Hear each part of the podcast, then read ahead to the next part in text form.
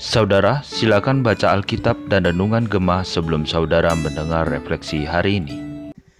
Shalom, Bapak Ibu yang terkasih di dalam Tuhan Yesus Kristus. Saya amat bersyukur bahwa hari ini tanggal 13 Juni tahun 2022, setiap kita yang menyaksikan tayangan dari channel YouTube Refleksi Gemah ini masih diberikan kesempatan untuk bisa menikmati akan kebenaran firman Tuhan itu diberitakan bagi setiap kita.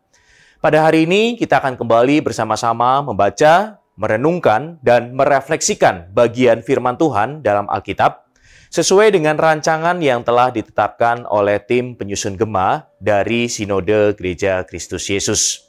Tetapi sebelum itu, marilah kita terlebih dahulu berdoa bersama-sama.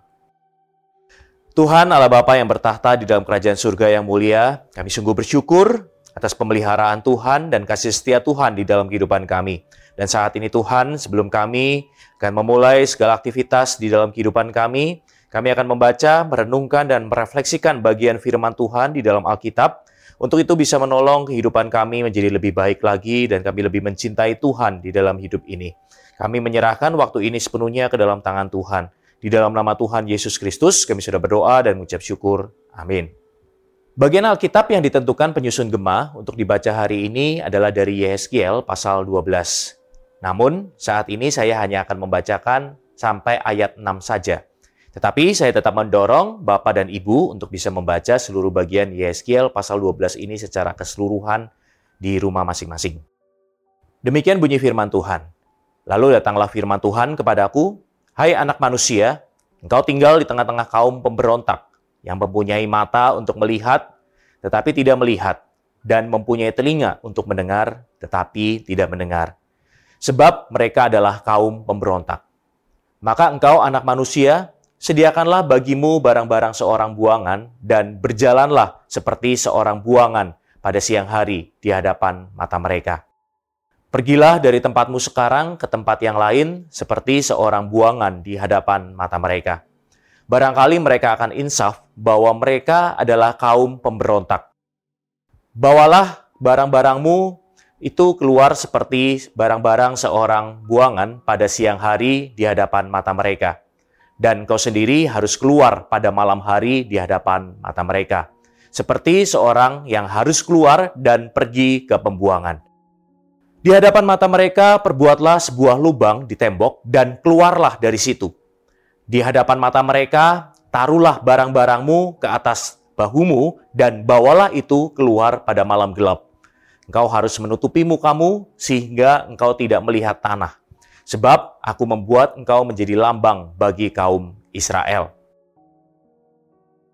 Jemaat Tuhan yang terkasih di dalam Tuhan, sebagian penduduk asli Amerika telah menghidupkan kembali hukuman kuno bagi sebuah kesalahan, yaitu pengasingan atau pengusiran dari sebuah suku. Saat berhadapan dengan beberapa kasus kejahatan seperti alkoholisme dan penyalahgunaan narkoba yang serius dan terus-menerus, Dewan Suku harus memilih respon ekstrim ini untuk memperbaiki masyarakat. Sebagian besar orang menganggap pengasingan atau pembuangan sebagai hukuman yang berlebihan. Tetapi beberapa pemimpin suku yakin bahwa hukuman tradisional ini adalah solusi yang ampuh Seorang dari mereka bahkan berkata bahwa mereka mau tidak mau harus kembali ke cara lama mereka untuk memperbaiki masyarakat yang sudah bobrok ini.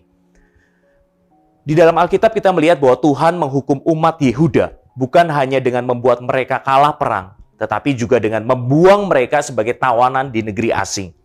Para pemimpin jahat di pasal 11 merasa aman karena mereka tidak masuk di dalam kelompok pertama yang diasingkan. Nah, tetapi keadilan Allah memastikan bahwa mereka akan menyusul. Para pemimpin itu menipu diri mereka sendiri.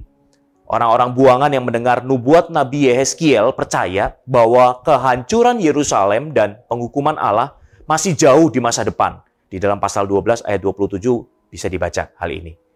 Umat Yehuda tidak setia terhadap perjanjian dengan Allah. Meskipun peringatan telah disampaikan dan sebagian hukum telah dilaksanakan, Orang-orang ini tidak mengindahkan pesan kenabian dan mereka tidak mau bertobat.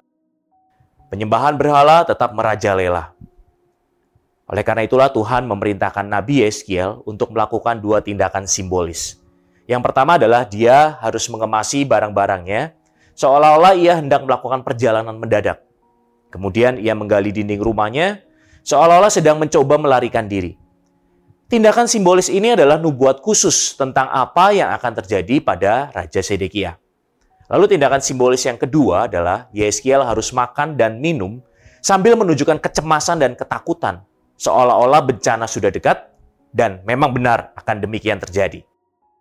Jemaat Tuhan yang terkasih, Tuhan berjanji untuk menghentikan sindiran populer yang menyebutkan bahwa satu penglihatan pun tak akan jadi dengan mengucapkan firman yang sebaliknya, yaitu bahwa tiap penglihatan pasti akan terjadi. Dosa layak diganjar dengan hukuman. Ibadah adalah hal yang serius. Tuhan tidak mau dipermainkan. Melalui penghukuman ini, orang-orang Israel akan belajar bahwa dialah satu-satunya Allah. Lalu pertanyaannya bagi kita adalah bagaimana kualitas ibadah Anda? Apakah Anda mempercayai Tuhan? Jika ya, pastilah hidup Anda akan sungguh-sungguh di dalam beribadah dan jemaat Tuhan tidak akan pernah menduakan Tuhan di dalam kehidupan ini untuk hal apa pun. Biarlah firman Tuhan hari ini terus mengingatkan setiap kita untuk kita boleh tetap terus setia kepada Tuhan dan beribadah kepadanya. Amin. Mari kita dudukkan kepala, kita berdoa. Tuhan Allah Bapa kami bersyukur kalau pada hari ini kami terus diingatkan untuk hidup kami tetap setia kepada Tuhan. Tidak seperti orang-orang Israel yang menduakan hati mereka sehingga Allah harus menghukum mereka. Biarlah firman Tuhan ini boleh terus mengingatkan kami untuk kami setia kepada Tuhan bukan karena kami takut dihukum, tetapi karena kami mau sungguh-sungguh mencintai Tuhan di dalam kehidupan kami melalui kehidupan ibadah kami yang tetap terus setia kepada Tuhan. Terima kasih Tuhan sekali lagi untuk firman-Mu yang terus mengingatkan dan menegur kami. Dan kami mau menyerahkan hari kami ini sepenuhnya ke dalam tangan Tuhan. Biarlah Tuhan yang terus memimpin dan menyertai kehidupan kami. Di dalam nama Tuhan Yesus Kristus kami sudah berdoa dan mengucap syukur. Amin.